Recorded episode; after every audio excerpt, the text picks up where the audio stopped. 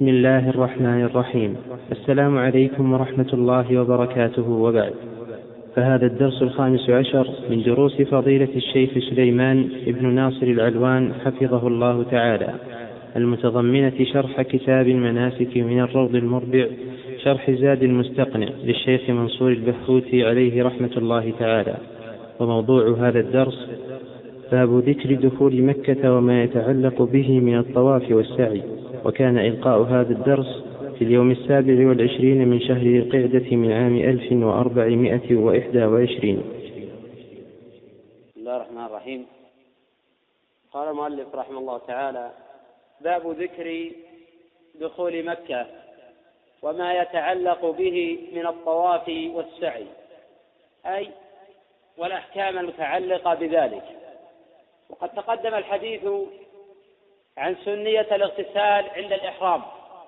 وتقدم نقل الإجماع في ذلك.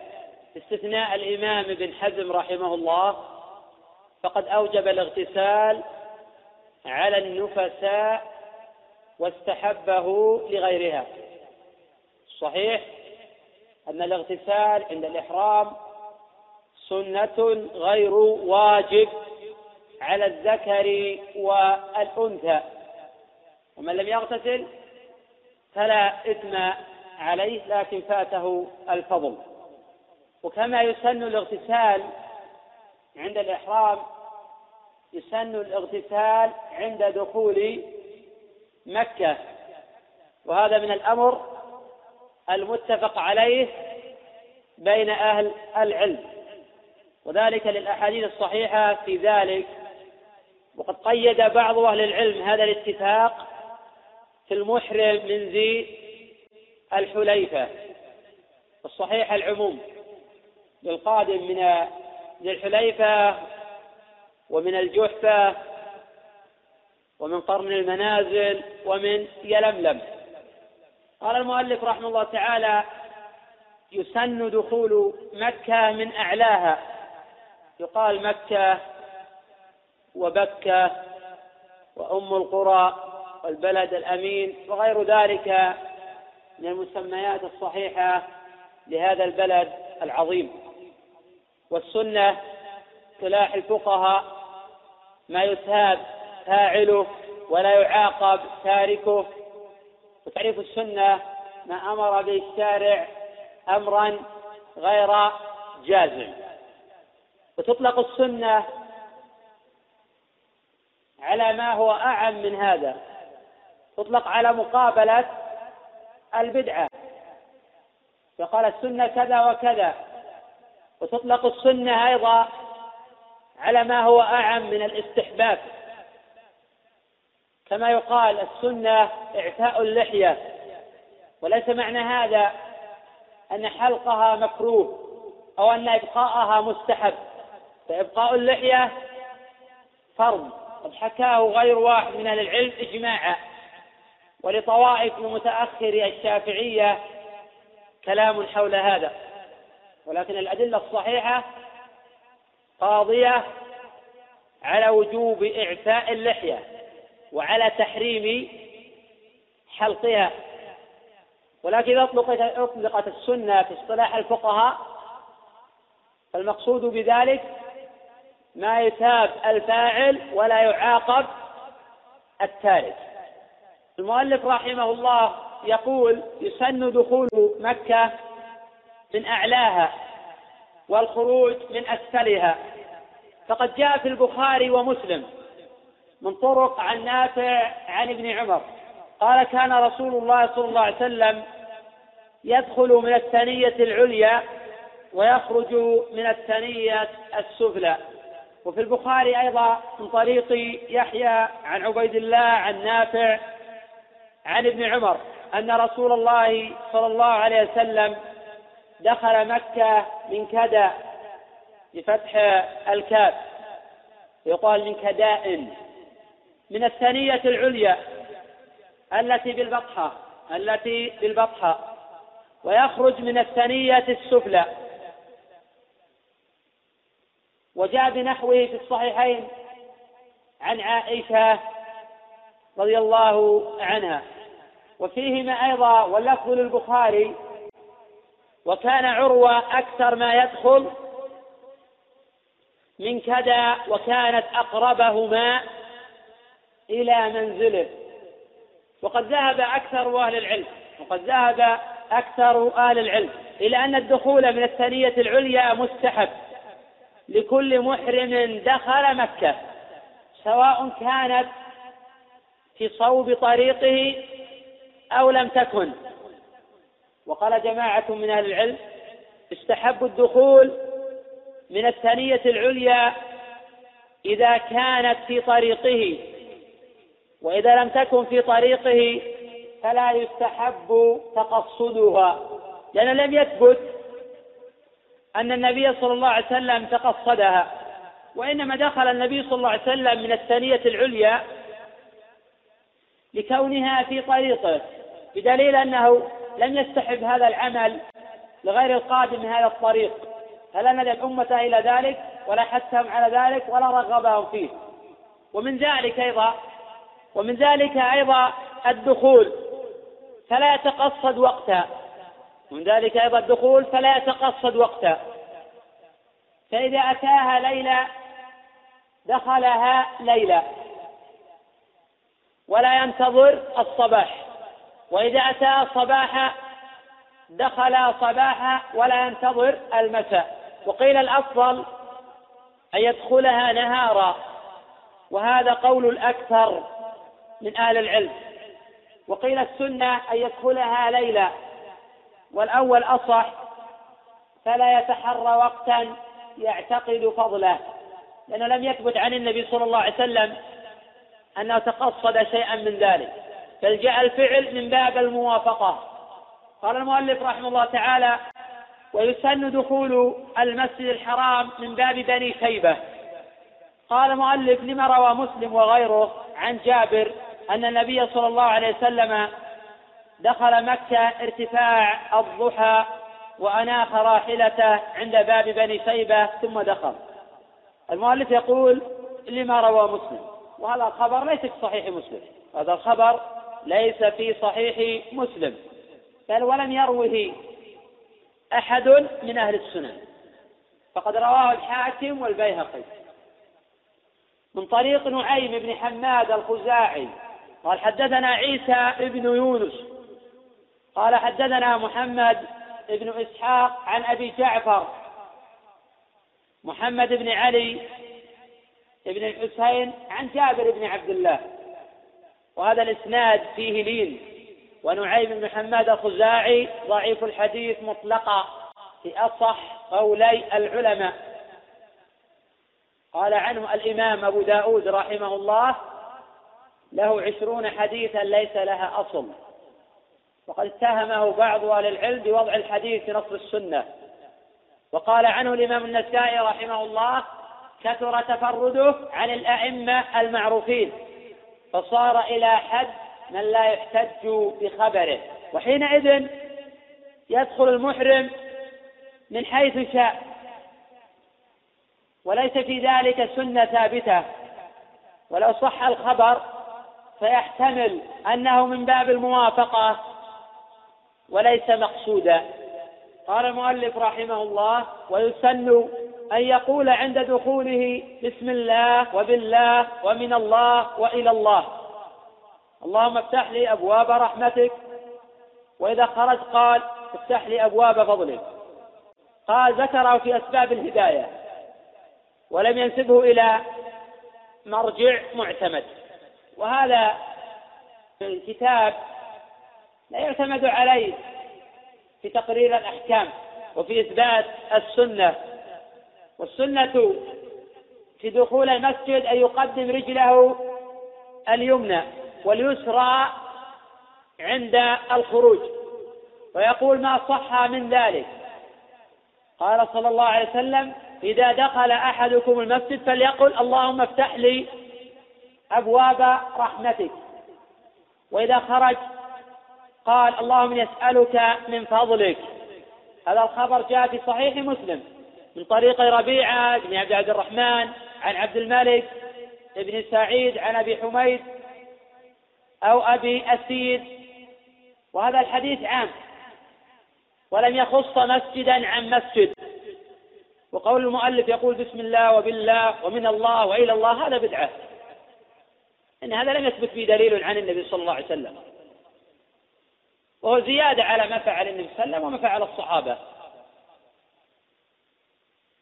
والأصل في العبادات البطلان. حتى يثبت في ذلك دليل. قوله فإذا رأى البيت رفع يديه. قال لفعله عليه السلام روى الشافعي عن ابن جريج وقال ما ورد. ومنه اللهم أنت السلام ومنك السلام. حينا ربنا بالسلام. اللهم زد هذا البيت تعظيما وتشريفا وتكريما ومهابة وبرا وزد من عظمه وشرفه ممن حجه واعتمره تعظيما وتشريفا ومهابة وبرا قوله روى الشافعي عن ابن جريج أي روى الشافعي رحمه الله تعالى في مسنده ومن طريقه البيهقي في السنن عن سعيد بن سالم عن ابن جريج عن النبي صلى الله عليه وسلم أنه كان إذا رأى البيت رفع يديه وقال وهذا مرسل ضعيف فلا يصح الاحتجاج به. وأصح شيء في هذا الباب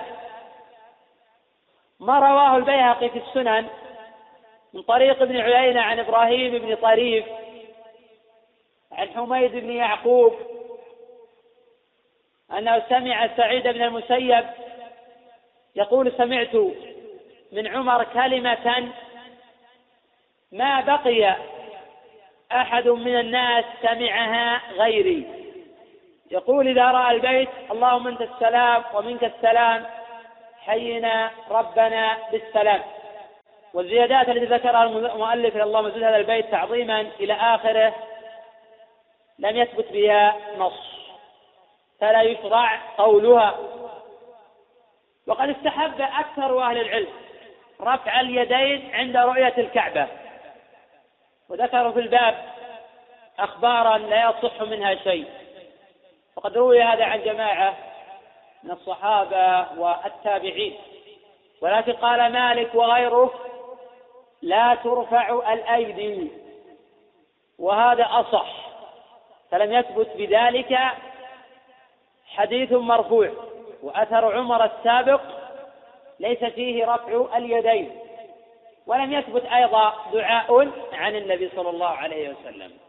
قال المؤلف رحمه الله تعالى أيضا أي ويقول الحمد لله رب العالمين كثيرا كما هو أهله وكما ينبغي لكرم وجهه وعز جلاله والحمد لله الذي بلغني بيته ورآني لذلك أهلا والحمد لله على كل حال اللهم إنك دعوت إلى حج بيتك الحرام وقد جئتك لذلك.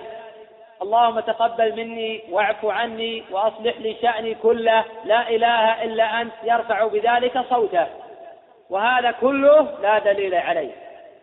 فلا يشرع تقصده ولا حفظه للعمل به. ولكن حين يرى المسلم البيت إن حمد الله باعتبار أن الله بلغه هذا لشيء وقع في قلبه فهذا لا ينكر. أما كونه يتقصد هذه المحامد وهذا الذكر عند رؤية البيت ولو لم يقع في قلبه شيء مما تقدم فهذا لا أصل له. وقوله يرفع بذلك صوته هذا لا دليل عليه أيضا لأن الذكر لم يثبت فكيف يثبت رفع الصوت؟ غاية ما ورد كما تقدم عن عمر. اللهم أنت السلام ومنك السلام حينا ربنا بالسلام. رواه البيهقي وغيره من رواية سعيد بن المسيب عن عمر. وقد تكلم في إسناده جماعة أيضا. وظاهر إسناده أنه لا بأس به. قال المؤلف ثم يطوف مطبعا وهو مسنون للرجال دون النساء. وذلك في طواف القدوم. فظاهر الأدلة أنه مشروع في جميع الطوافات السبع. فقد روى الترمذي وغيره طريق سفيان عن ابن جريج عن عبد الحميد عن ابن يعلى عن أبيه أن النبي صلى الله عليه وسلم طاف بالبيت مضطبعا وعليه برق قال أبو عيسى رحمه الله هذا حديث حسن صحيح وفي سنن أبي داود من طريق حماد بن سلمة عن عبد الله بن عثمان ابن خثيم عن سعيد بن جبير عن ابن عباس أن رسول الله صلى الله عليه وسلم وأصحابه اعتمروا من الجعرانة ويجوز التخفيف فرملوا بالبيت وجعلوا أرديتهم تحت آباطهم ثم قذفوها على عواتقهم اليسرى. وأكثر أهل العلم على أن الاطباع سنة في جميع الأشواط. وقال مالك ليس بالسنة ولم أسمع أحدا من أهل العلم ببلدنا يذكر أن الاطباع سنة والعمل على قول الجمهور. ففي ذلك حديثان. حديث ابن يعلى عن أبيه وحديث سعيد بن جبير عن ابن عباس. وهذا بخلاف الرمل. فلا يرمل إلا في الثلاثة الأول والإطباع في جميع الأشواط. وسوف يشير المؤلف رحمه تعالى إلى هذه القضية غير أنه قال هنا والإطباع أي وصفة الإطباع أن يجعل وسط ردائه تحت عاتقه الأيمن وطرفيه أي ويجعل طرفيه على عاتقه الأيسر. وإذا فرغ من الطواف أزال الإطباع. فإذا أراد أن يصلي لا يكون مطبعا ولا يشرع الاطباع في السعي ولا أصل له في السعي. وأكثر أهل العلم على الاطباع في الأشواط السبعة وذلك لأن قول يعلى فيما تقدم في الحديث أن النبي صلى الله عليه وسلم مطبعا ينصرف إلى جميع الأشواط بينما قال الأكرم وغيره لا يطبع إلا في الأشواط الثلاثة وشأنه شأن الرمل. والأول أظهر. وظاهر الأدلة أن الاطباع خاص بالطواف دون السعي. خلافا للشافعي رحمه الله تعالى فقد قال يطبع في السعي. ولا دليل عليه. ولا قال به أحد من الصحابة رضي الله عنهم وقد ذكر في المغني عن الإمام أحمد رحمه الله قال ما سمعنا فيه شيئا. والقياس لا يصح إلا فيما عقل معناه وهذا تعبد محض. قال المؤلف رحمه الله تعالى يبتدئ المعتمر بطواف العمرة. ما لم تحضر الصلاة فيقدم الفريضة على الطواف. وكذلك لو شرع في الطواف ثم أقيمت الصلاة فيقطعه لأجل الصلاة. وإذا دخل المسجد ولم تحضر الصلاة فيبدأ بالطواف فإن تحية المسجد الحرام الطواف. وقد جاء في الصحيحين وغيرهما عن عائشة رضي الله عنها أن أول شيء بدأ به النبي صلى الله عليه وسلم حين قدم مكة أنه توضأ ثم طاف بالبيت ولم يصلي تحية المسجد. ولكن إذا لم يرد الطواف وقصد الجلوس فلا يجلس حتى يصلي ركعتين. وتحية المسجد مستحبة عند الجمهور. وقال جماعة بالوجوب. قال المؤلف رحمه الله ويطوف القارن والمفرد للقدوم أي حين يقدمون مكة. وهذا الطواف في حقهم سنة في قول أكثر أهل العلم. كما هو ظاهر حديث عروة بن مضرس وظاهر كثير من الأخبار. وحين يطوفون للقدوم لا بأس أن يقدموا سعي الحج. وأما طواف الإفاضة الذي بعد التعريف فهو ركن في حق المتمتع والقارن والمفرد. قال المؤلف فيحاذي الحجر الأسود بكله أي بكل بدنه فيكون مبدأ طوافه. وهذا المشهور في المذهب وهو قول الأكثر من أهل العلم أنه يجب أن يحاذي الحجر الأسود بكل بدنه. وقيل يجزئه المحاذاة في بعض البدن. وهذا اختيار شيخ الإسلام ابن تيمية وهو الصحيح. لأن الحكم يتعلق بالبدن. فأجزأ البعض عن الكل. ولا اعتبار للخط الموجود في هذا العصر سواء حاذاه أو لم يحاذه. فالاعتبار بمحاذاة الحجر الأسود وكل بحسبه وبه تبرأ ذمة المكلف. ولأن هذا الخط يؤدي إلى ازدحام الناس. ومخالفة المشروع الثابت في عهد النبي صلى الله عليه وسلم في عهد الصحابة في عهد أئمة التابعين والأئمة المتبوعين. ولأن القاعدة تقول كل أمر انعقد سببه في عهد النبي صلى الله عليه وسلم وفي عهد الصحابة ولم يفعلوه مع إمكانية الفعل فإنه بدعة. وهذا الخط أمكن فعله في عهد النبي صلى الله عليه وسلم. ولم يضع خطا. فإن قيل إن الجهل قد كثر والناس قد كثروا فيكاد لا يضبطون.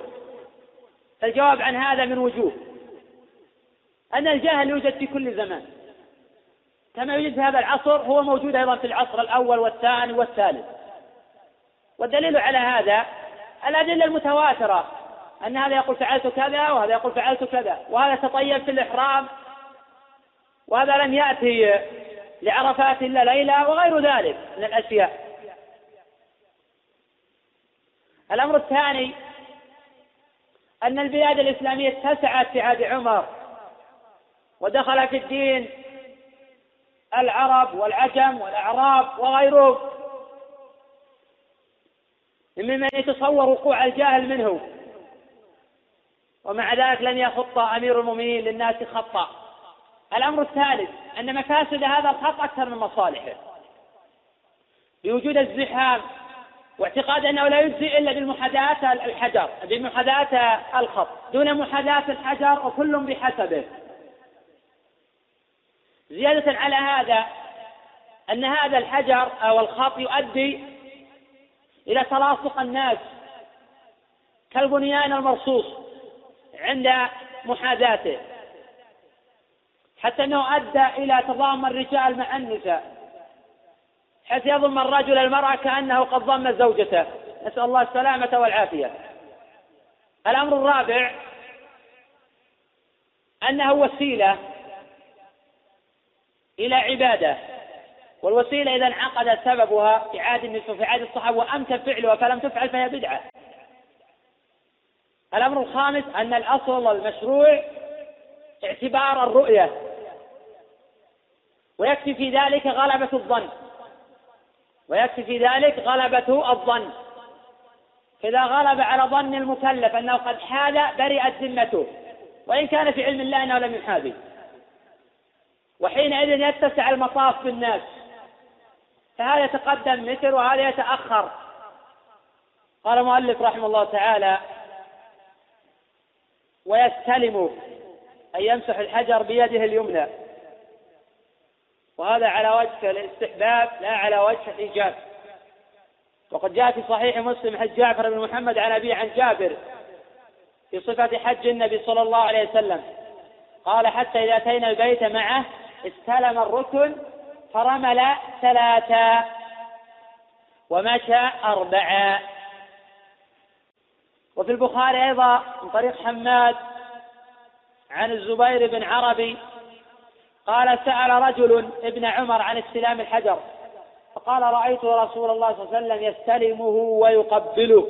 وظاهر هذا مشروعية الجمع بين التسليم والتقبيل. وظاهر هذا مشروعية الجمع بين التسليم والتقبيل. وحكى ابن حزم في مراتب الإجماع الاتفاق على استلام الحجر الأسود أي على المشروعية. قد تقدم أنه مسنون. وقد روى أحمد في مسند أيضا عن سفيان عن عطاء بن السائب عن عبد الله بن عبيد بن عمير عن ابن عمر أن النبي صلى الله عليه وسلم قال إن استلام الركنين يحطان الذنوب. المؤلف رحمه تعالى يقول في الحديث أنه نزل من الجنة أشد بياضا من اللبن فسودته خطايا بني آدم. قال المؤلف رواه الترمذي صححه. رواه الترمذي رحمه تعالى من طريق جرير عن عطاء. ابن السائب عن سعيد بن جبير عن ابن عباس عن النبي صلى الله عليه وسلم. وعطاء بن السائب اختلط. وجرير ممن روى عنه بعد الاختلاط. ولكن تابعه حماد بن سلمة في مسند الإمام أحمد. وقد سمع حماد من عطاء قبل الاختلاط. قاله ابن معين وغيره واختار ذلك الطحاوي رحمه الله تعالى. وقال غير واحد بأنه سمع منه بعد الاختلاط. الصحيح الأول.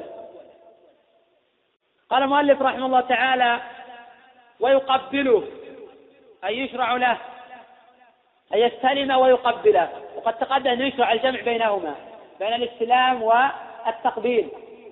وهذا كله سنة ويشرع في كل طوفة. إذا قدر على ذلك ما لم يؤذي أحدا. استدل المؤلف رحمه تعالى على مشروعية التقبيل قال بما روى عمر أن النبي صلى الله عليه وسلم استقبل الحجر ووضع شفتيه عليه يبكي طويلا. ثم التفت فإذا بعمر ابن الخطاب يبكي فقال يا عمر ها هنا تسكب العبرات. رواه ابن ماجه.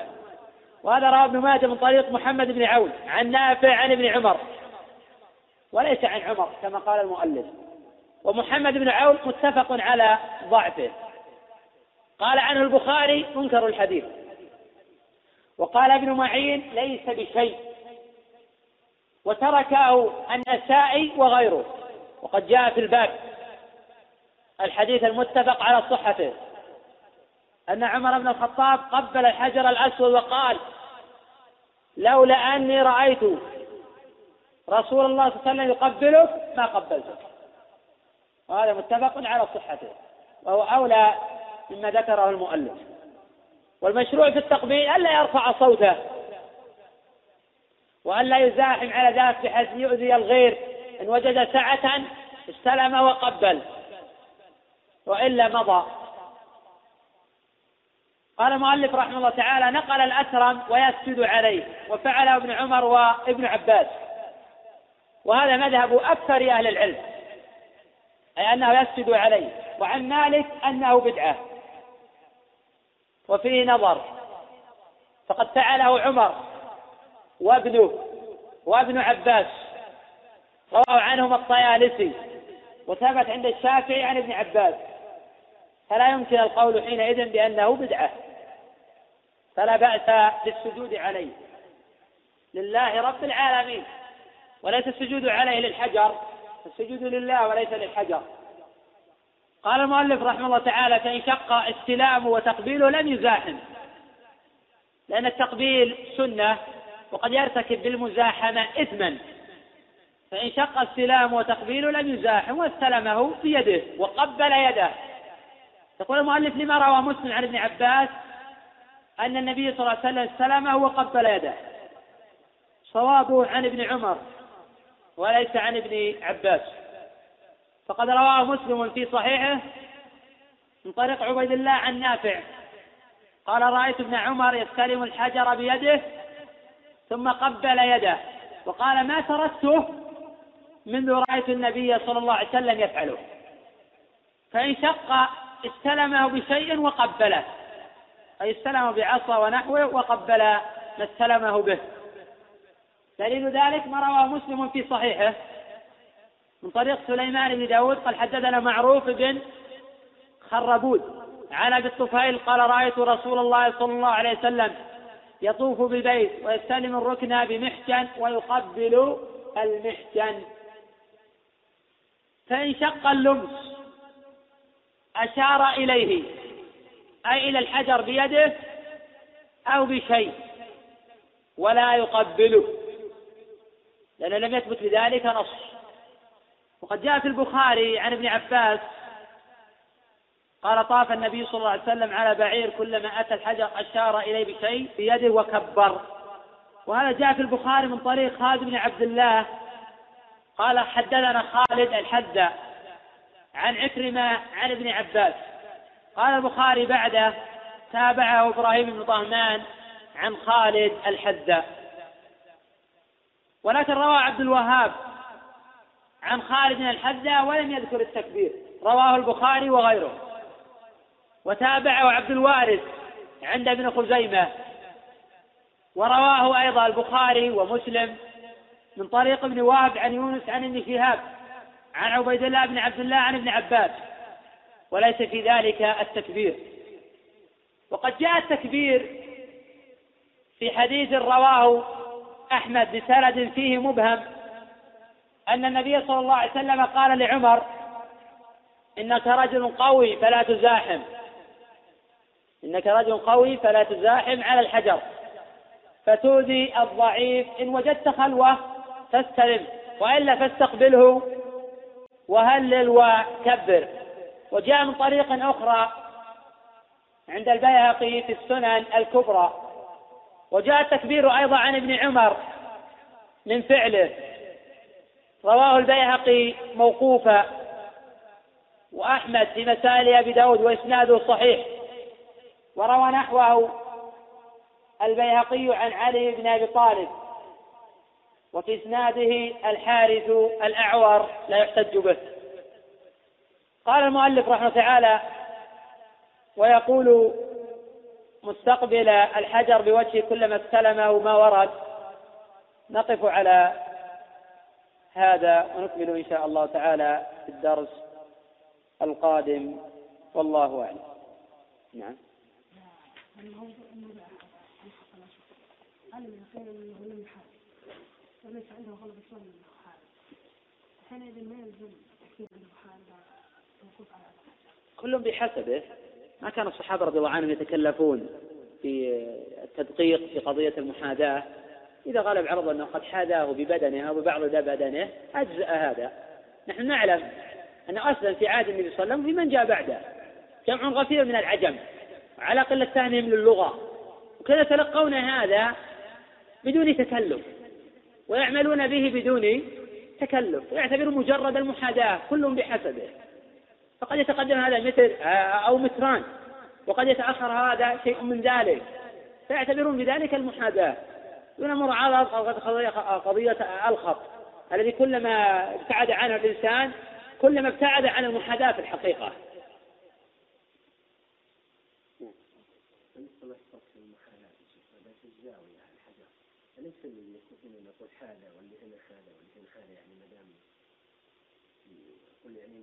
يعني بلا شك يعني المحاذاة تكون مثلا بحيث إنه لا يتجاوزوا إذا حاذا وغلب على الظن حاذا ببدنه أجزى هذا.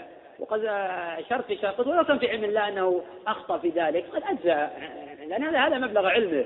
ولا يشترط في ذلك يتكلف ويتقصد محاذاة الخط. لأن هذا الخط لا أصل له. وأيضا هذا محل عبادة. ولا داعي لإيجاد واستدراك على الشرع. بحيث يوضع خط والنبي صلى الله عليه وسلم شرع لنا المحاذاة فنحن نحدد المحاذاة. هذا غلط. نظير هذا الخط أيضا عند آه، محاذاة الصفوف في المساجد. هذا الأمر انعقد سببه في عهد النبي صلى الله عليه وسلم وأن كان فعله فلم يفعلوه ما ثبت في هذا دليل؟ أن النظر للبيت عبادة. والفقهاء يذكرون هذا كثيرا ولا دليل عليه وإن كان في الباب آثار لا يصح منها شيء. ولكن لا ريب أن الإنسان إذا نظر إلى البيت تعظيما للبيت واحتراما للبيت فإنه يؤجر على هذا القصد لا على هذه الرؤية المجردة. ولكن لا يعني هذا أنه كلما نظر إليه صار عبادة بمجرد النظر كما ينظر مثلا إلى شيء مشروع. هذا لا دليل عليه ولا أصل له. ولكن إذا وقع في قلب الإنسان حين رؤية تعظيم البيت على هذا القصد. أما كون يتقصد الرؤية ليؤجر هذا لا أصل له. إي نعم. إذا كان يصلي ينظر إلى موضع سجوده. وهذه مسألة من المسائل المختلف فيها بين أهل العلم. تقول عائشة دخل رسول الله صلى الكعبة فلم يجاوز بصره موضع سجوده رواه الحاكم وغيره. وقال بعض أهل العلم إن كان وراء الإمام ينظر إلى الإمام لأن الصحابة يعرفون قراءة الرسول باضطراب لحيته كما في البخاري و فدل هذا أن الصحابة ينظرون إلى آه، الإمام. أما إذا لم يكن خلف الإمام فإنه آه، يضع بصرة في موضع سجوده وهذه مسألة مسائل مختلف فيها. نعم. ما على الأحاديث لم تبلغ دليل الإمام مالك رحمة الله بأن الطبع ليس سنة. هو قال رحمه الله تعالى ما, ما سمعت عن أحد ببلدنا يفعل ذاك ويقول بأنه السنة فلعل الأحاديث لم آه، تبلغهم. أو أنها الأحاديث قد بلغتهم ويضعفونها هذا ممكن. لكن على كل جاء في الباب حديثان ومالك رحمه الله تعالى أشار إلى أن أهل الباب لا يفعلونه نعم. بالنسبة للتكبير في آخر الشوط يكبر لا يكبر؟ آخر يكبر في البداية لفعل ابن عمر. ولا مانع من التكبير في النهاية إذا قلنا بالتكبير كلما حاذ الحجر. لأن الأحاديث الواردة في التكبير. أصحها حديث ابن عباس كما تقدم في البخاري ولكن أكثر الطرق في حديث ابن عباس خالية من التكبير.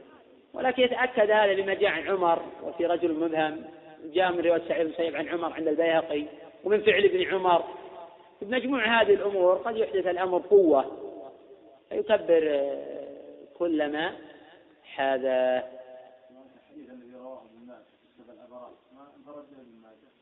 فرد به نعم رواية ابن عون وهو منكر الحديث وقد تقدم. منكر الحديث ويحتج به.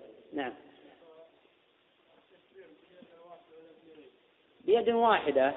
كير بيد واحدة. وقد استحب الفقهاء أن تكون إشارة باليد اليمنى. أن هذا من مواطن التكريم والتشريف يشير باليمنى ويقتصر في التكبير على مرة واحدة. لا يكبر اثنتين ولا ثلاثة. وسيأتي إن شاء الله هل يقول شيئا حين التكبير أم لا؟ هو ما وقفنا عليه. هل يقول اللهم زد هذا البيت تعظيما وتشريفا وتكريما ونحو ذلك؟ أم لا يشرع ذلك؟ صحيح أنه لا يشرع شيء من ذلك. لم يقتصر على مجرد التكبير. وهل يقول بسم الله أم لا يقول بسم الله؟ ابن عمر كان يقول بسم الله. وعلى القول ذلك هذا في بداية الطواف. أما في الثاني والثالث فلا يقول بسم الله. والصحيح أيضا أنه لا يقول بسم الله.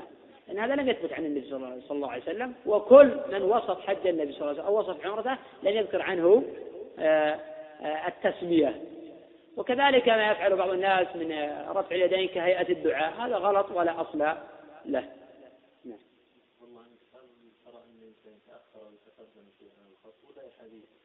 على حسب اجتهاده لا يتقصد يعني محاذاة الخط ولا يلتفت إليه لأنه محدث.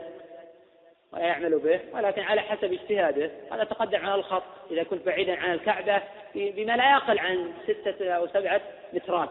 وهذا واضح من كل ما بعد الإنسان عن الكعبة. وإذا كان الإنسان قريبا من الكعبة يعتبر المحاذاة على حسب رؤيته حسب اجتهاده على حسب غلبة الظن. هذا الذي أمرنا الله جل وعلا وكلفنا به ومع ذلك لم نكلف به. فلا داعي للإحداث فيما عدا هذا نعم. بالنسبة للإحرام التطيب إذا دخلت المدخرة في الخيل مثلا وخبر دخان الصاع هل يكفي لنا كمحرم أرد المدخرة ولا أو أطلع من الخيمة لأن بي الطيب في الاختيار.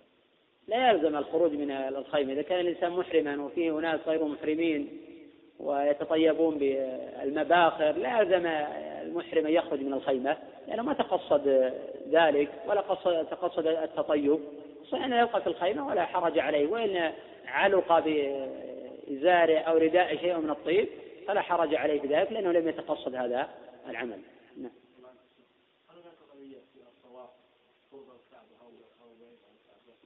الفقهاء نعم يستحبون القرب من الكعبة كي يتسنى له التقبيل والاستلام. ولأنه إذا بعد من الكعبة لم يتسنى له التقبيل ولا الاستلام. وقالوا لأنه إذا اقترب من الكعبة تيقن المحاذاة بخلاف ما إذا ابتعد إن كان التعليل بقصد الاستلام والتقبيل فهذا واضح. أما التعليل الثاني ففيه نظر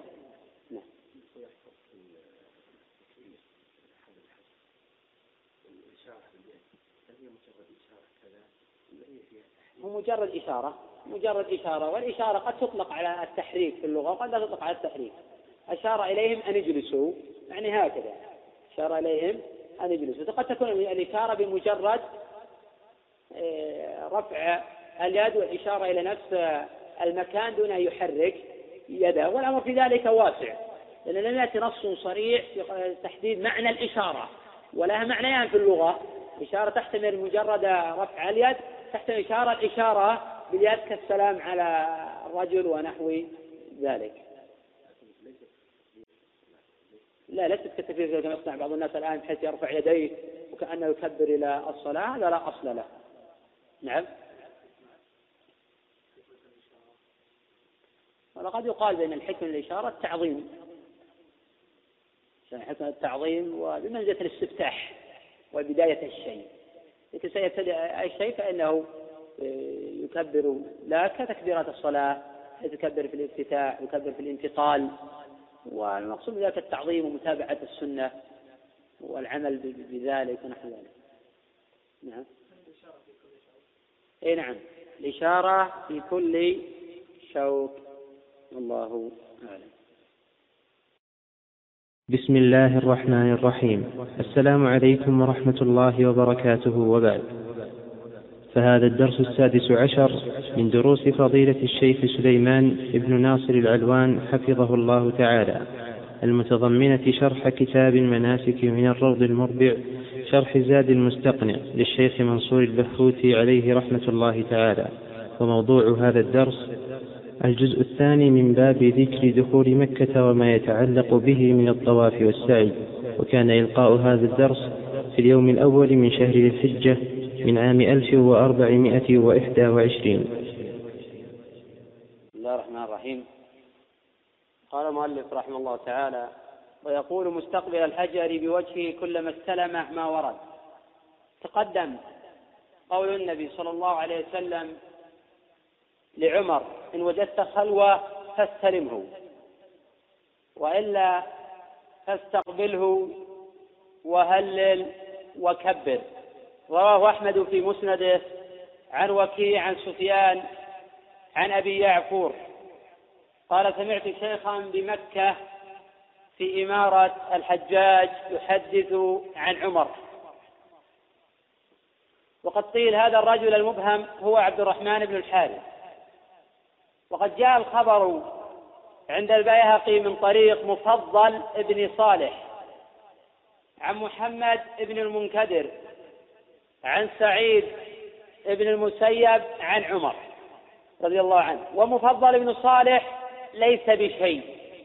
قال عنه الإمام البخاري رحمه الله تعالى منكر الحديث. وقد تقدم أن السنة أن يستلم الحجر الأسود بيده ويقبله. وتقدم بيان ذلك في حديث ابن عمر أن السنة الجمع بينهما. فإن شق عليه ذلك استلمه بيده أو شيء معه. وقبل يده أو ما استلمه به. فإن شق ذلك أشار إليه بشيء أو بيده. ويكبر لحديث ابن عباس في صحيح الإمام البخاري. وقد تقدم الحديث عنه ولا يقبل ما أشار به. ولا يقبل ما أشار به. وهل يبسمل حين يستقبل الحجر ويدعو أم لا؟ المؤلف رحمه الله تعالى يقول يقول بسم الله والله أكبر اللهم إيمانا بك وتصديقا بكتابك ووفاء بعهدك واتباعا لسنة نبيك محمد صلى الله عليه وسلم. قال لحديث عبد الله بن السائب أن النبي صلى الله عليه وسلم كان يقول ذلك عند استلامه. وحديث عبد الله بن السائب لا أعرفه. والمؤلف قد نقله عن غيره. ولا أظن له أصلا. وقد جاء عن علي نحو هذا الدعاء. روى الطبراني في الدعاء. وجاء من حديث ابن عباس. رواه عبد الرزاق والطبراني في الدعاء. وجاء من حديث ابن عمر. أي الدعاء. رواه العقيلي في الضعفاء. ولا يصح من ذلك شيء. غير أنه ثبت في مسائل أبي داود للإمام أحمد من طريق أيوب عن نافع عن ابن عمر أنه كان يأتي البيت فيستلم الحجر ويقول بسم الله والله أكبر. وهذا إسناد صحيح إلى عبد الله بن عمر بن الخطاب رضي الله عنه. وقد رواه عبد الرزاق والطبراني في الدعاء والبيهقي في السنن. وظاهره أن التسمية في بداية الطواف ولم يثبت شيء من هذا عن غير عبد الله بن عمر.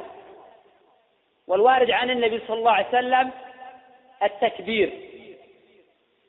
وأما الدعاء والوقوف للدعاء اللهم إيمانا بك وتصديقا بكتابك. فهذا لم يثبت في شيء ولا يشرع الدعاء بذلك. لأن كل من وصف عمر النبي صلى الله عليه وسلم أو حدثه لم يذكر شيئا من ذلك. فلو كان هذا مشروعا أو مسنونا لتوافرت الهمم والدواعي على نقل مثل هذا. فإنهم يقتصرون على ذكر الإستلام أو التقبيل أو الإشارة دون أن يشيروا إلى الدعاء. مع أن الوقوف للدعاء يحتاج إلى فترة فهو محل نقل لو كان مفعولا. فعلم أن هذا غير مشروع. وكذلك التكبير أكثر من واحدة. غير مشروع. كبر مرة واحدة ويمضي أو يشير بيده اليمنى.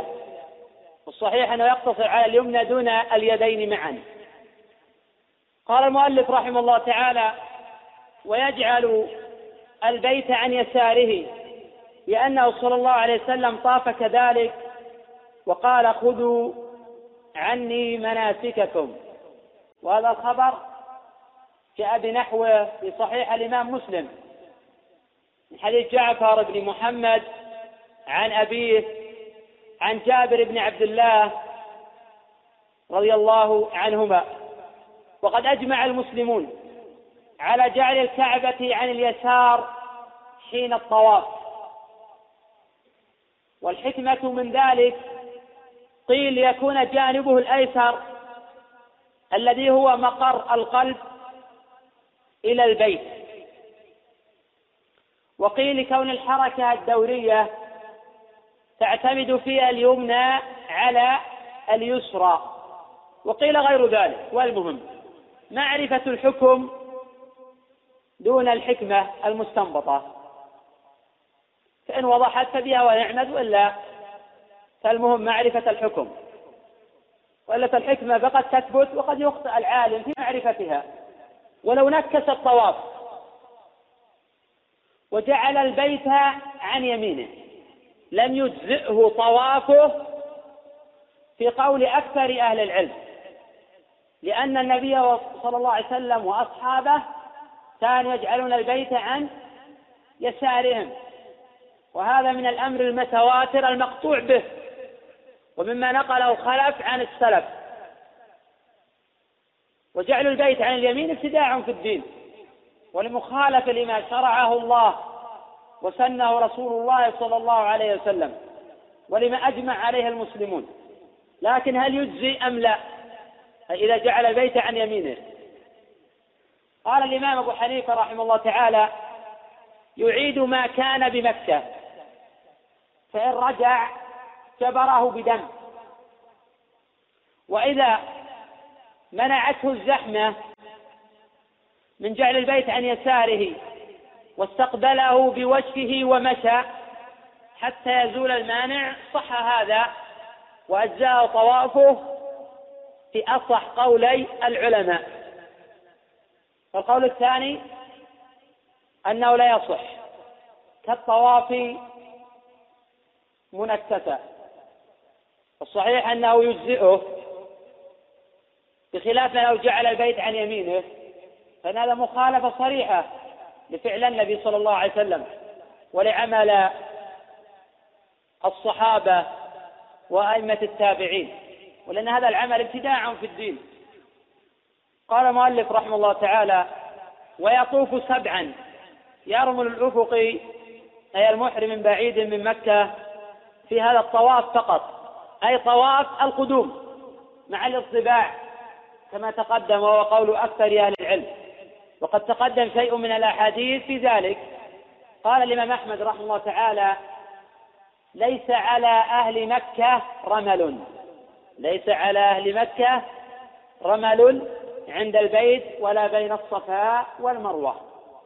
وهذا مروي عن عبد الله بن عباس وابن عمر رضي الله عنهما. وقد روى ابن أبي شيبة رحمه تعالى في المصنف عن ابن علية عن أيوب عن نافع. قال كان ابن عمر لا يرمل إذا أهل من مكة. وهذا سند صحيح إلى عبد الله بن عمر بن الخطاب رضي الله عنهما. قال المؤلف رحمه الله تعالى فيسرع المشي ويقارب الخطى ثلاثا أي في ثلاثة أشواط ثم بعد أن يرمل الثلاثة أشواط يمشي أربعة. وقوله بعد أن يرمل الثلاثة أشواط المؤلف رحمه الله تعالى أضاف المعرفة المعرفة بالألف واللام إلى النكرة. وأكثر النحاة يمنعون من ذلك. والأولى بالمؤلف أن يقول أن يرمل ثلاثة أشواط. فلا يعرف المضاف.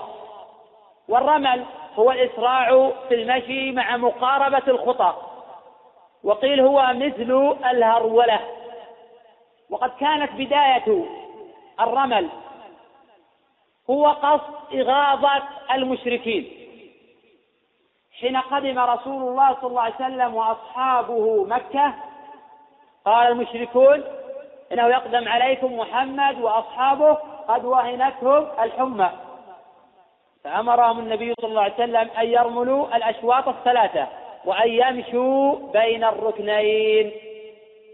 جاء هذا في الصحيحين من حديث ابن عباس. وفي حجة الوداع رملوا الأشواط الثلاثة واستوعبوا كل طوفة بذلك. فكان الرمل سنة. ففي الصحيحين من حديث ابن شهاب عن سالم بن عبد الله عن أبيه. قال رأيت رسول الله صلى الله عليه وسلم حين يقدم مكة حين يقدم مكة إذا استلم الركن الأسود أول ما يطوف يخب ثلاثة أطواف من السبع. وجاء في حديث جابر في صفة حجة الوداع قال حتى إذا أتينا البيت مع النبي صلى الله عليه وسلم استلم الركن فرمل ثلاثة ومشى أربعة. وهذا دليل على مشروعية الرمل في طواف القدوم وأن الحكم ثابت حيث فعله صلى الله عليه وسلم في حجة الوداع ولا مشرك يومئذ.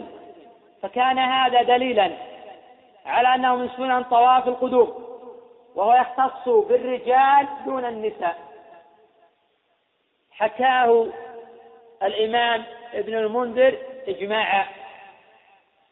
وإذا فات الرمل فلا يشرع تداركه. فإذا ترك الرمل في الثلاثة الأول لم يقبض في البقية. فهو كسائر السنن لا تقضى إذا فات محلها. غير أن بعض السنن تقضى إذا فاتت لعذر تقضى الراتبة إذا فات محله وكان لعذر لأن النبي صلى الله عليه وسلم قضى الركعتين اللتين بعد الظهر قضاهما بعد العصر.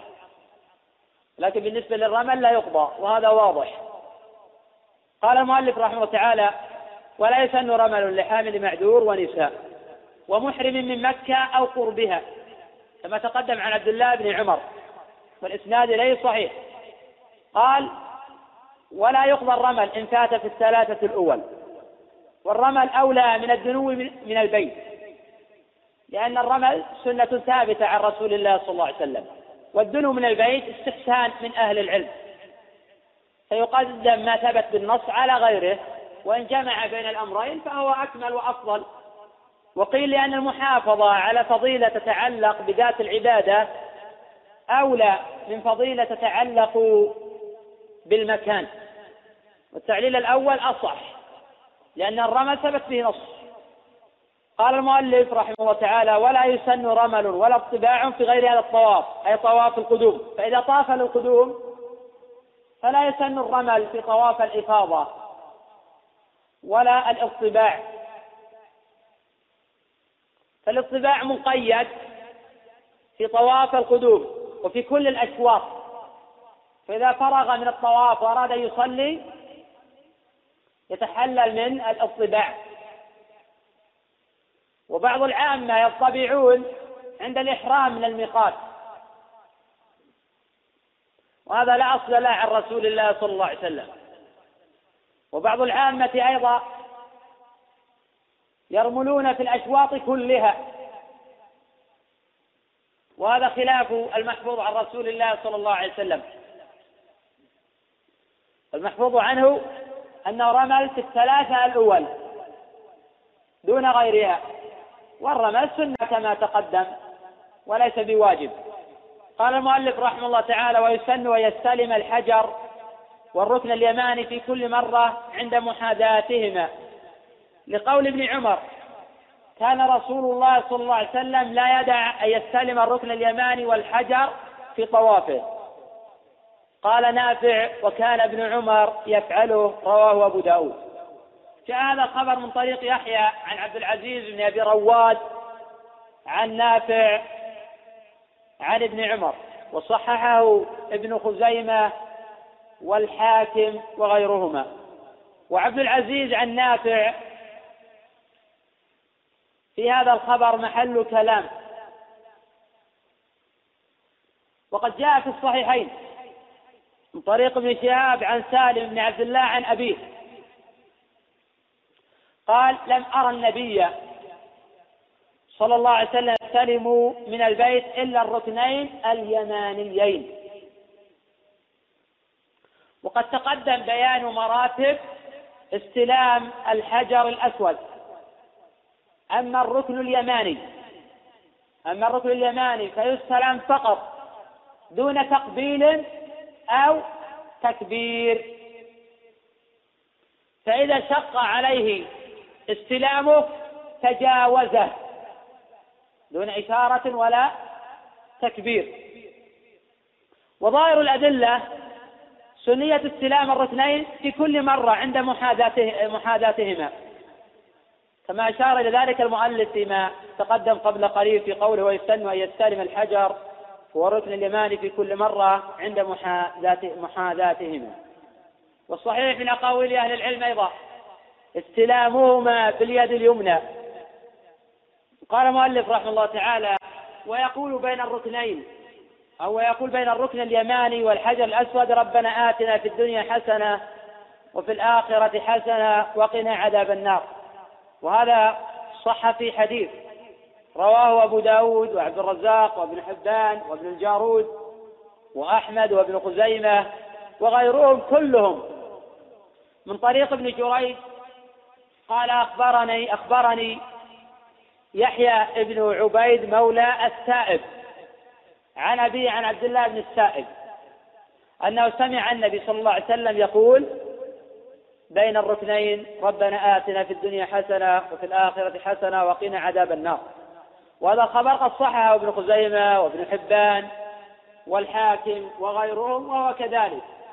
وهذا الذكر سنة وليس بواجب. قال المؤلف رحمه الله تعالى ويقول في بقية طافه اللهم اجعله حجا مبرورا وسعيا مشكورا وذنبا مغفورا. رب اغفر وارحم. واهدني السبيل الأقوم وتجاوز عما تعلم وأنت الأعز الأكرم. وهذا الدعاء ذكره كثير من فقهاء الحنابلة واستحبوا الدعاء به في غير ما بين الركنين. وهكذا قال الشافعي رحمه الله تعالى أحب لكل من حاد الحجر الأسود أن يكبر ويقول في رمله اللهم اجعله حجا مبرورا وذنبا مغفورا وسعيا مشكورا. ويقول في بقية الطواف اللهم اغفر وارحم وعفوا عما تعلم وأنت الأعز الأكرم. اللهم آتنا في الدنيا حسنة وفي الآخرة حسنة وقنا عذاب النار. وقد تقدم أنه لا يحفظ شيء من ذلك عن النبي صلى الله عليه وسلم. وأن كل من وصف عمر النبي صلى الله عليه وسلم وحجته ذكر التكبير ولم يذكر غيره بل الكثير لم يذكروا حتى التكبير. اقتصروا على الإشارة كما سبق بيان هذا. فيكبر دون الدعاء ودون البسملة وإذا دعا بعد مجاوزة الحجر الأسود فلا هو يدعو بما أحب ولا هو يذكر الله بما شاء ولا هو يقرأ القرآن أيضا. فلا مانع من ذلك كله لكن لا يصح تقصد دعاء معين أو استحباب ذكر معين. أو قراءة سور معينة. فنقتصر على ما جاء النص به. من قول ربنا آتنا في الدنيا حسنة وفي الآخرة حسنة وقنا عذاب النار. بين الحجر الأسود أو بين الركن اليماني والحجر الأسود. قال المؤلف رحمه الله تعالى وتسن القراءة فيه. أي وتسن القراءة في الطواف. وقال صاحب المغني ولا بأس بقراءة القرآن في الطواف.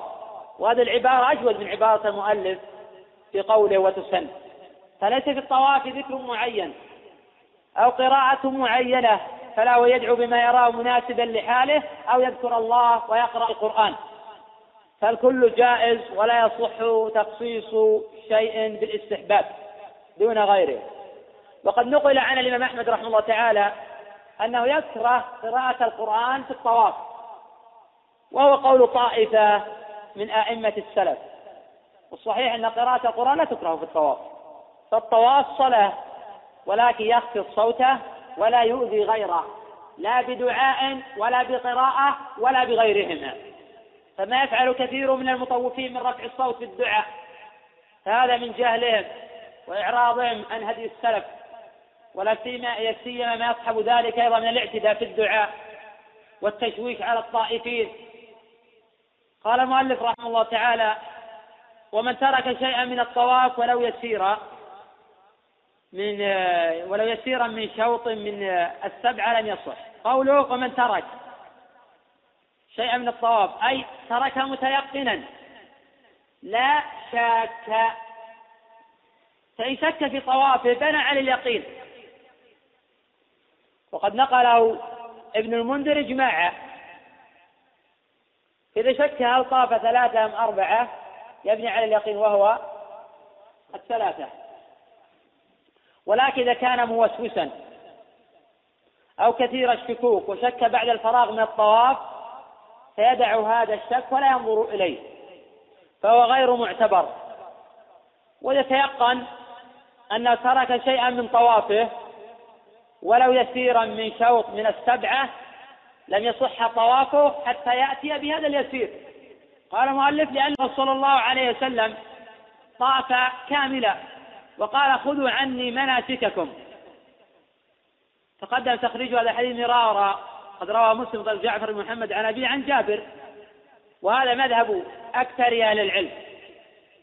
وقال به مالك والشافعي وأحمد. فإذا بقي شيء من الطوافات السبع لم يصح طوافه حتى يأتي به ولا يجبر ذلك بدم.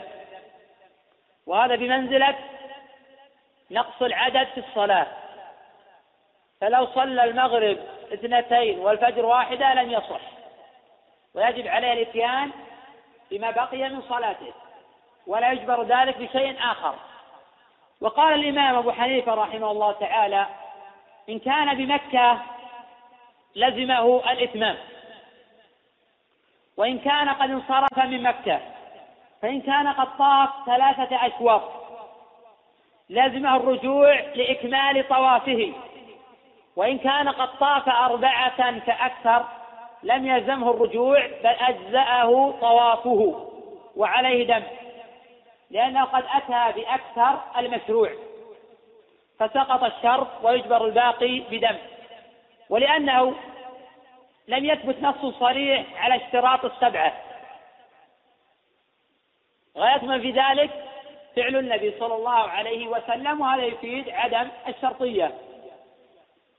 ونوزع في هذا لأن فعل النبي صلى الله عليه وسلم خرج بيانا لمطلق الأمر بالطواف ولعمل الصحابة والتابعين ولأن الطواف بالبيت صلاة.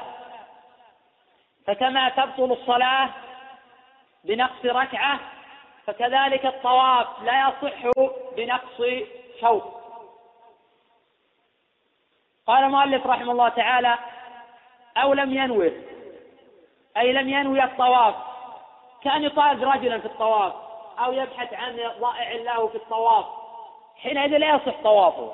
إذا بحث عن ضائع في الطواف ولم ينوي الطواف وحين فرغ من سبعة أشواط قال أنوي هذا عن طواف العمرة. نقول هذا لا يصح لأنه ما نوى.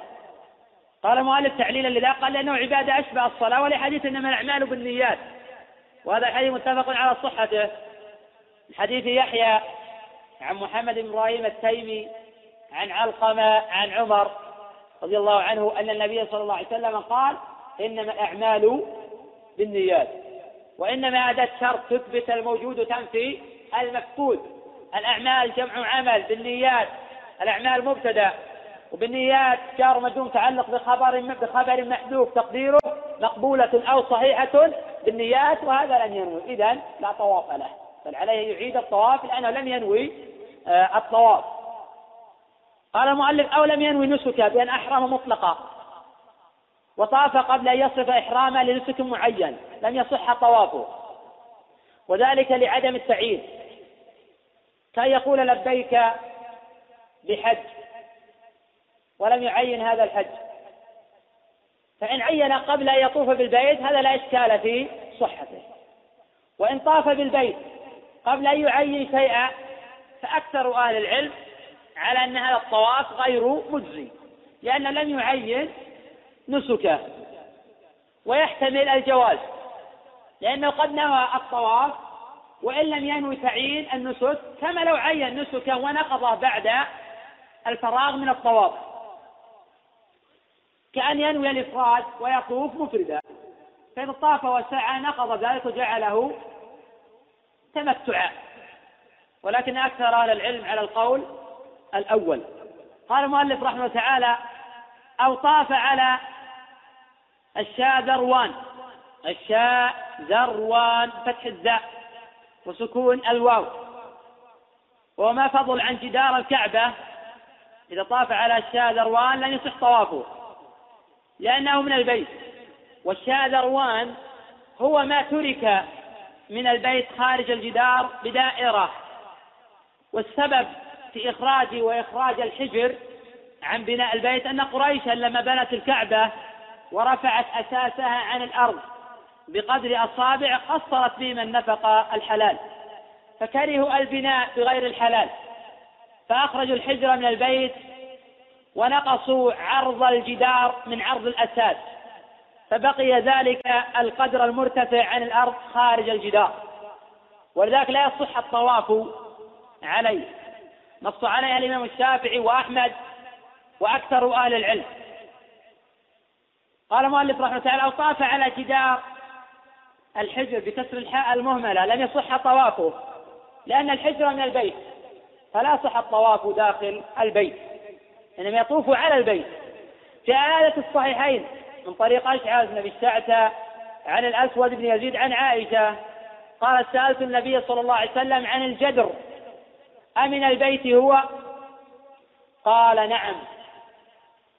قلت ما لهم لم يدخلوه في البيت؟ قال إن قومك قد قصرت بهم النفقة. وقد ذهب أكثر أهل العلم إلى هذا وأن الحجر من البيت فمن لم يطف به لم يعتد بطوافه. وخالف في ذلك الأحناف. فقالوا إن كان بمكة قضى ما بقي وإلا فيجبر ذلك بدم وطوافه مجزي. وقد استدل المؤلف رحمه الله تعالى لقوله وقول الجمهور بالمنع في أنه صلى الله عليه وسلم طاف من وراء الحجر والشاء ذروان وقال خذوا عني مناسككم. والصحيح أنه إذا طاف داخل الحجر يعيد الطواف. قال المؤلف رحمه تعالى أو طاف وهو عريان أي لم يصح طوافه لأن الله جل وعلا يقول يا بني آدم خذوا زينتكم عند كل مسجد. وسبب نزول هذه الآية أن المرأة كانت تطوف بالبيت وهي وهي عريانة. فأنزل الله هذه الآية والحديث في صحيح مسلم من حديث ابن عباس أو من قول عبد الله بن عباس رضي الله عنهما. وفي الصحيحين أيضا من حديث أبي هريرة رضي الله عنه أن النبي صلى الله عليه وسلم أمر أبا بكر في الحجة التي حجها قبل حجة الوداع وذلك في سنة تسع. أن ينادي في الناس لا يحج بعد العام مشرك ولا يطوف بالبيت عريان. وأكثر أهل العلم على أن ستر العورة شرط لصحة الطواف. على خلاف بينهم في تحديد عورة الرجل وعورة المرأة. وقال الإمام أبو حنيفة رحمه الله تعالى ستر العورة ليس بشرط ولكنه واجب يجبر بدم. وإذا خرج أيضا من عورته شيء جهلا أو نسيانا فإنه يعفى عن ذلك. في أصح قولي العلماء. قال المؤلف رحمه الله تعالى أو طاف وهو نجس لم يصح طوافه أي على ملابسه نجاسة. وهذا قول أكثر أهل العلم والصحيح التفصيل. فإن كان جاهلا أو ناسيا فطوافه صحيح. قال تعالى ربنا لا تؤاخذنا إن نسينا أو أخطأنا. ولأنه لم يثبت بأن إزالة النجاسة من الثوب شرط لصحة الصلاة ولا الطواف. وإن كان متعمدا فقيل يأتم ويبطل طوافه وهو قول الجمهور. وقيل يأتم ويصح طوافه وهو الصحيح سواء كان في الصلاة أو في الطواف. قال المؤلف أو محدث. لم يصح طوافه أي طاف وهو محدث لم يصح طوافه. سواء كان الحدث أكبر أو أصغر. وهذا المشهور في مذهب أحمد. فالطهارة شرط لصحة الطواف. ولهذا قال المؤلف رحمه الله تعالى لم يصح طوافه. لقوله عليه الصلاة والسلام الطواف بالبيت صلاة إلا أنكم تتكلمون فيه رواه الترمذي والأكرم عن ابن عباس. وهذا الخبر رواه أيضا ابن الجارود وأبو يعلى وابن خزيمة وابن حبان من طريق عطاء ابن السائب عن طاووس عن ابن عباس عن النبي صلى الله عليه وسلم. ورواه عن عطاء جرير عند الترمذي وفضيل بن عياض عند ابن حبان وسفيان عند الحاكم وموسى بن أعين عند الدارمي. قال أبو عيسى رحمه الله تعالى وقد روي هذا الحديث عن ابن طاووس وغيره عن طاووس عن ابن عباس موقوفا. ولا نعرف مرفوعا إلا من حديث عطاء أزيد على هذا ولا يصح رفعه.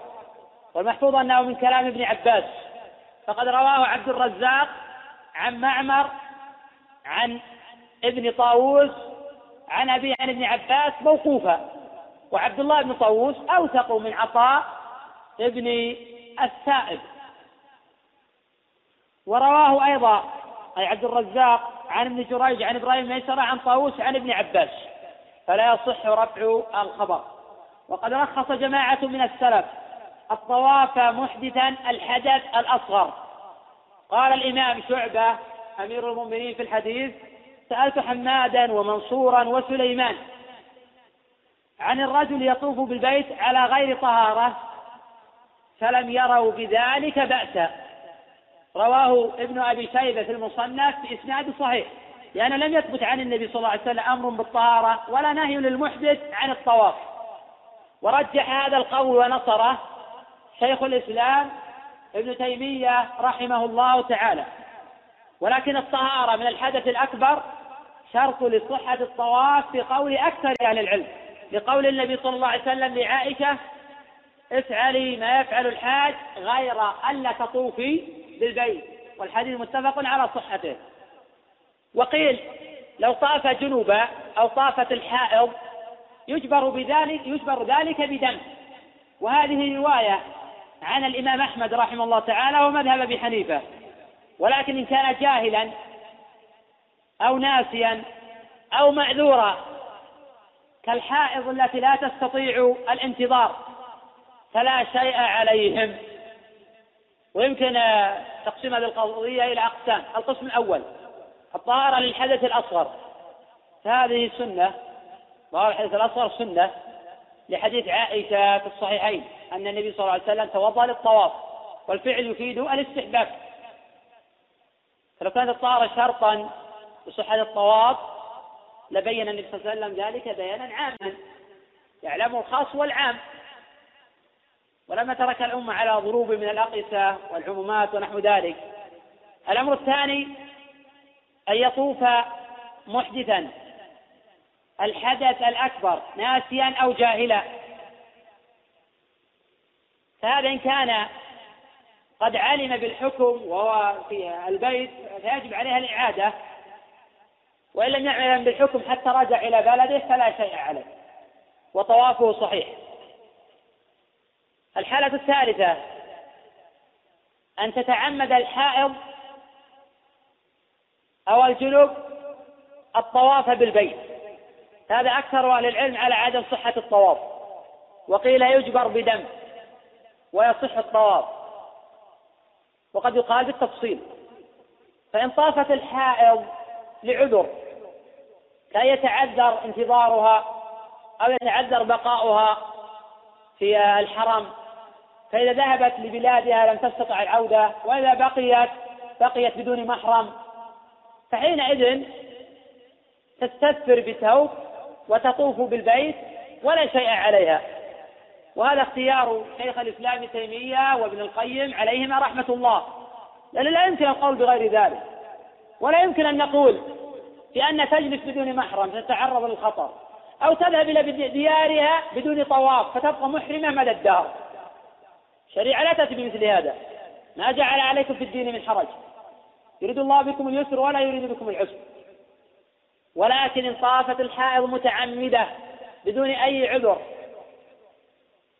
أو طاف الشخص جنوبا بدون أي عذر فهؤلاء يجب عليهم إعادة الطواف. ما لم يتعذر ذلك. قال المؤلف رحمه الله تعالى ويسن فعل باقي المناسك كلها على طهارة. الطهارة مشروعة في الجملة استحب التطهر على كل حال. ولكن تقصد الطهارة لبعض الأفعال لا دليل عليه لكن نستحب الطهارة من حيث العمومات في الجملة. وإن طاف المحرم يقول لابس مخيط صح وفدى تقدم الحديث عن ذلك. وإن كان ناسيا أو جاهلا فلا شيء عليه. وإن كان متعمدا أن يستغفر ربه جل وعلا ولا فدية عليه لعدم ورود الدليل في ذلك. تقدم الحديث عن هذه القضية. قال المؤلف المؤلف رحمه الله تعالى ثم إذا تم طوافه طواف فاعل هنا. الطواف هو الذي تم. يصلي ركعتين نفلا.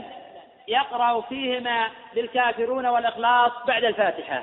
جاء هذا في صحيح مسلم من حديث عدي بن إسماعيل المدني عن جعفر بن محمد عن أبيه عن جابر بن عبد الله في صفة حج النبي صلى الله عليه وسلم. وحكم الركعتين سنة بعد كل طواف أي بعد السبعة. وهذا أصح القولين في مذهب الإمام الشافعي وأحمد بن حنبل.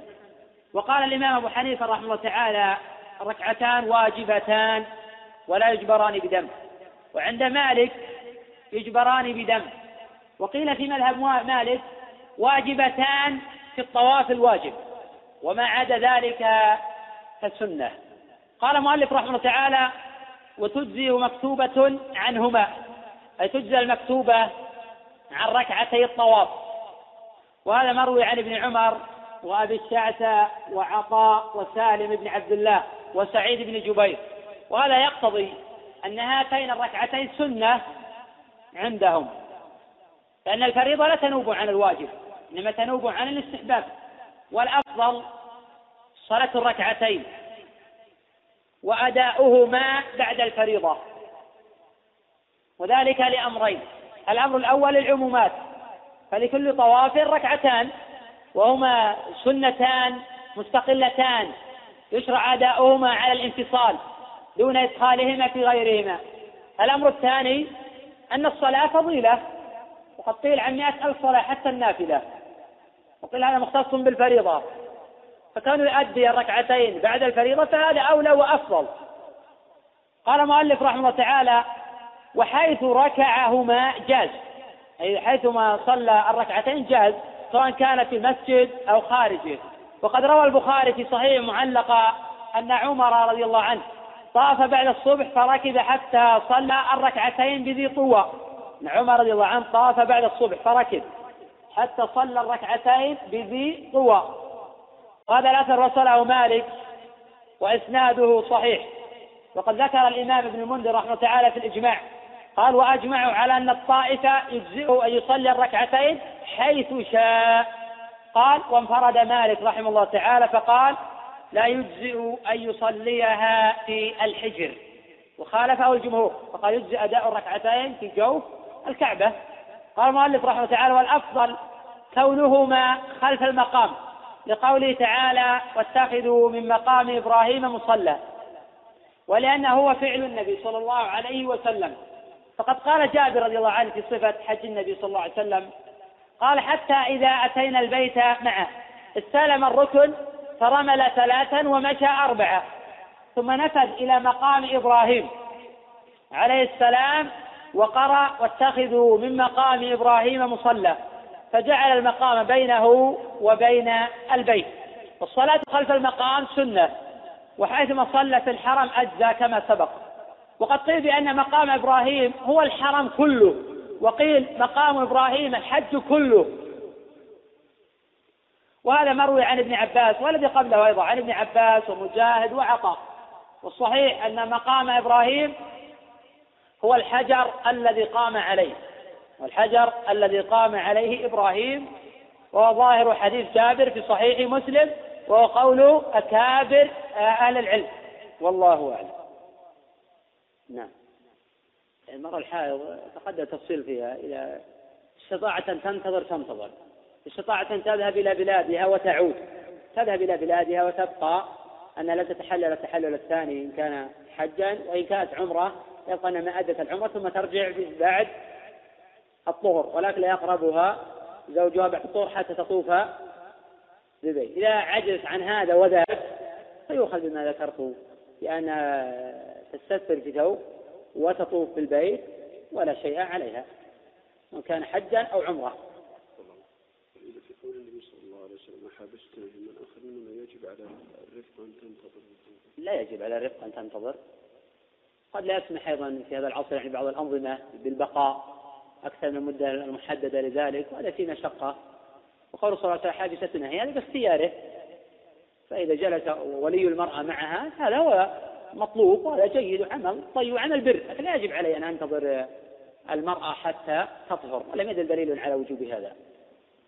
نعم. لا الظاهر أن مقام الحالي من فعل ومن تأخير أمير المؤمنين عمر رضي الله عنه.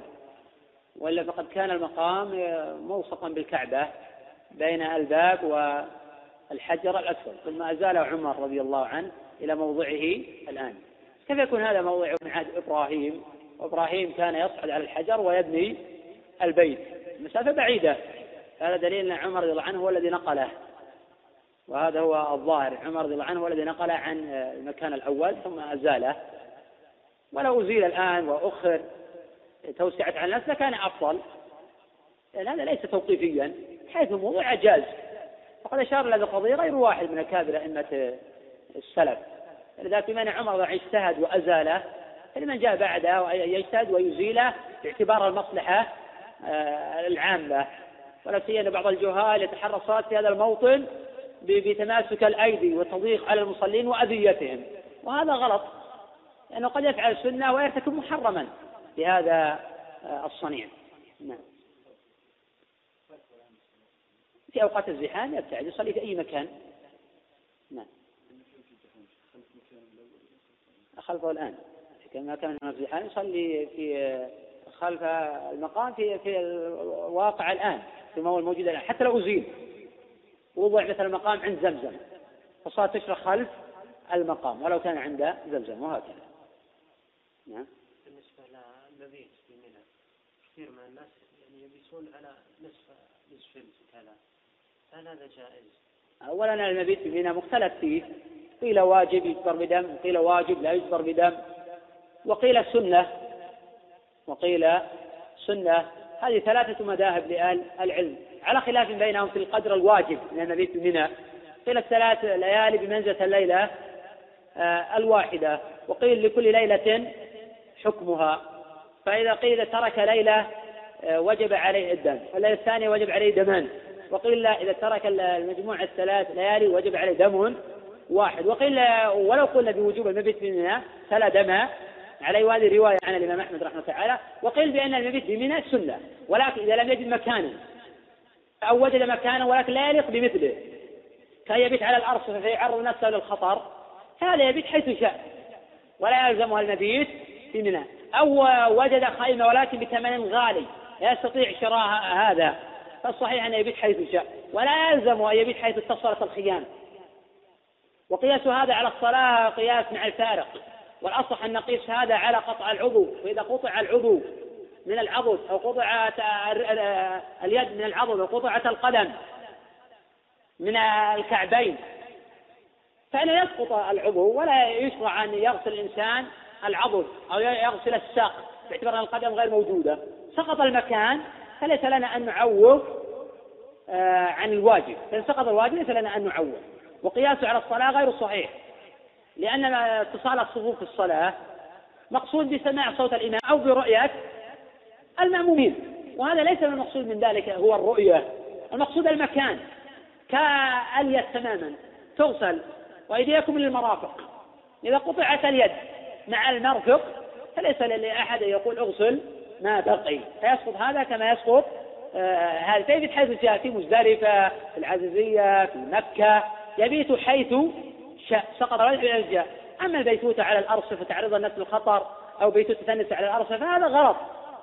لأنه يؤدي إلى تكشف العورات وإلى إزهاق النفوس وإلى الخوف والوجل أنا أعرف مجموعات كبيرة ممن يستفتي ويتصل يقول لا ننام الليل كله. خوفا على أنفسنا. هذا في الحقيقة آه، الشرع ما أتى بها ما جاء أتى بهذا. ولكن هؤلاء من جهلهم يفعلون هذا. ولا في الأصل فليبتعدوا عن ذلك. وكون المرأة تبيت على الرصيف تخرج عورتها هي آثمة بهذا الفعل. تريد أن تؤدي واجبا الواجب يسقط. إذا ما تهيأ الواجب على شيء يصون المرأة ويحميها فلا يلزمها المبيت على الأرصفة وعلى الشوارع ونحو ذلك ولا شيء هذا واجب مختلف فيه ليس واجبا محققا. الأدلة مختلفة ومتنازعة حتى الصحابة رضي الله عنهم اختلفوا منهم من قال واجب ومن قال سنة. وإذا قلنا بالوجوب الأدلة غير صريحة غير صريحة مفهومة. فعلى كل سواء قلنا بهذا أو ذاك فالمبيت في يجب حيث يوجد مكان يليق بمثله وحيث تتهيأ وتوفر الأسباب في ذلك. إذا لم يوجد يبيت حيث شاء. والله أعلم. نعم. قد قد يتعذر يجلس كل اليوم يبحث عن المكان. إذا غلب على الظن لا أكيد يبيت حيث جاء قضية الاستئجار هل يجب عليه يستأجر أم لا؟ آه، إذا كان الأجار بثمن المثل ربما يجب عليه بمنزلة إذا لم يجد ماء فوجد ماء يباع بثمن المثل وقد لا يجب عليه مطلقا. سواء بيع بثمن المثل أو بيع بأكثر من ثمن المثل لأنه عاجز ولا يلزمني أن أن أشتري الأمكنة ومن المناخ من سبق نعم. بعرفات. هذا خلاف هدي النبي صلى الله عليه وسلم. لا يتعمد تأخير الوقوف بعرفات عن هدي النبي عما فعله الصحابة رضي الله آه، عنهم. ولكن لو أتى متأخرا فحديث عروة بن مضرب صريح في الباب رواه الخمسة وغيره أن النبي صلى الله عليه وسلم قام من طاف بهذا البيت من آه، شهد صلاتنا هذه وقد وقف بعرفة قبل ذلك. وقد وقف بعرفة قبل ذلك من ليل أو نهار فقد تم حجه وقضى تفتت فقول صلى الله عليه وسلم قد تم حجه لم يذكر دما. وقضى تفتت دليل أن النسك قد تم وكمل.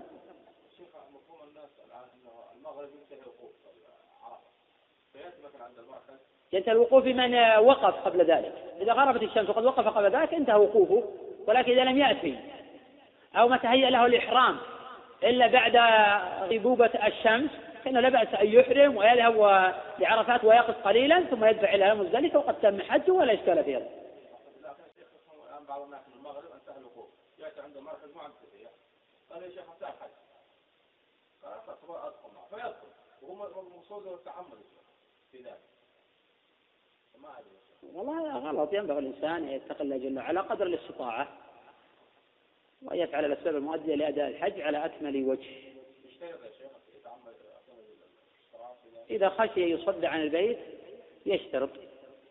يشترط حيث الضباعة الصحيحين. فإذا اشترط فإنه يحل حيث أحصر ويحلق رأسه ولا شيء عليه وإذا لم يشترط عليه بنحر الهدي إن كان معه فإن لم يكن معه فقيل يسقط عنه الهدي وقيل ينوب عن ذلك صيام عشرة أيام وفي ذلك قولان تقدم الحديث عنهما. والله أعلم.